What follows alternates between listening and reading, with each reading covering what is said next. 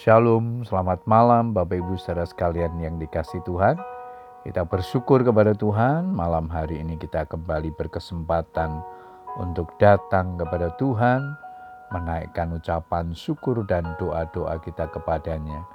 Malam hari ini sebelum berdoa saya akan membagikan firman Tuhan yang diberikan tema berjaga-jaga dan berdoa.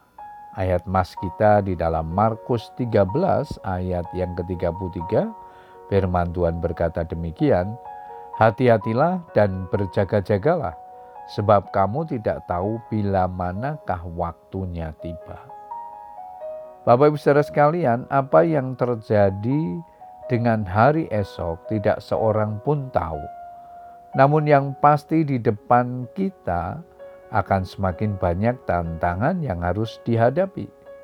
Kita pun harus siap secara mental supaya kita tidak gagal dan jatuh di tengah perjalanan. Terkadang orang jatuh bukan karena terantuk batu yang besar, tetapi justru terpeleset kerikil yang kecil. Kejatuhan orang terkadang bukan karena besarnya persoalan atau masalah yang dialami, tetapi justru saat segala sesuatunya berjalan dengan baik, nyaman, dan aman dalam segala hal, di situlah awal kelengahan. Rasul Paulus mengingatkan, sebab itu siapa yang menyangka bahwa ia teguh berdiri, hati-hatilah supaya ia jangan jatuh. 1 Korintus 10 ayat yang ke-12. Bagaimanakah supaya kita tidak jatuh? Berjaga-jaga dan berdoa. Kemudian sampai kapan kita harus berjaga-jaga dan berdoa? Tentunya sampai kedatangan Tuhan Yesus yang kedua kalinya. Pertanyaan selanjutnya, lalu kapan Tuhan Yesus datang? Mengenai tanggal, hari, dan tahun kedatangan Tuhan adalah rahasia ilahi. Setiap orang tidak ada yang tahu.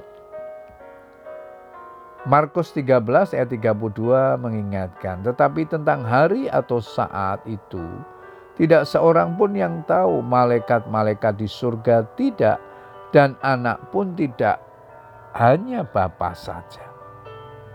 Tetapi yang jelas tanda-tanda Tuhan akan segera datang sudah mulai digenapi.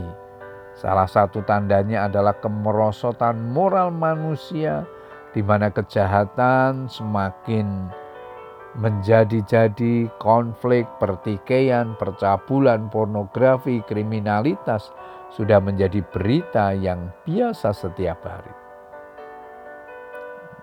Jika kamu lihat hal-hal itu terjadi, ketahuilah bahwa waktunya sudah dekat, sudah di ambang pintu. Sekali lagi ditekankan supaya kita berjaga-jaga dan berdoa, sebab hari Tuhan itu datangnya secara tiba-tiba dan tak terduga. Bagi orang percaya, hari-hari ini seharusnya adalah waktu dan kesempatan untuk mempersiapkan diri Jangan malah kita bertindak sebaliknya, hidup dalam kemabukan dan pesta pora dunia. Bagi orang yang tidak siap, maka hari Tuhan akan tiba seperti pencuri. Pada hari itu langit akan lenyap dengan gemuruh yang dahsyat dan unsur-unsur dunia akan hangus dalam nyala api dan bumi dan segala yang ada di atasnya akan hilang lenyap.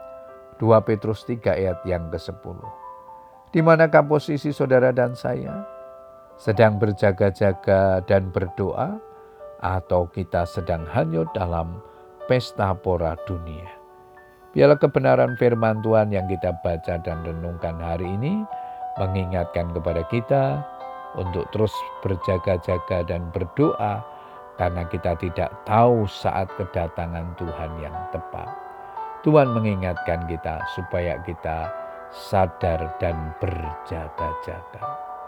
Selamat berdoa dengan keluarga kita. Tuhan Yesus memberkati.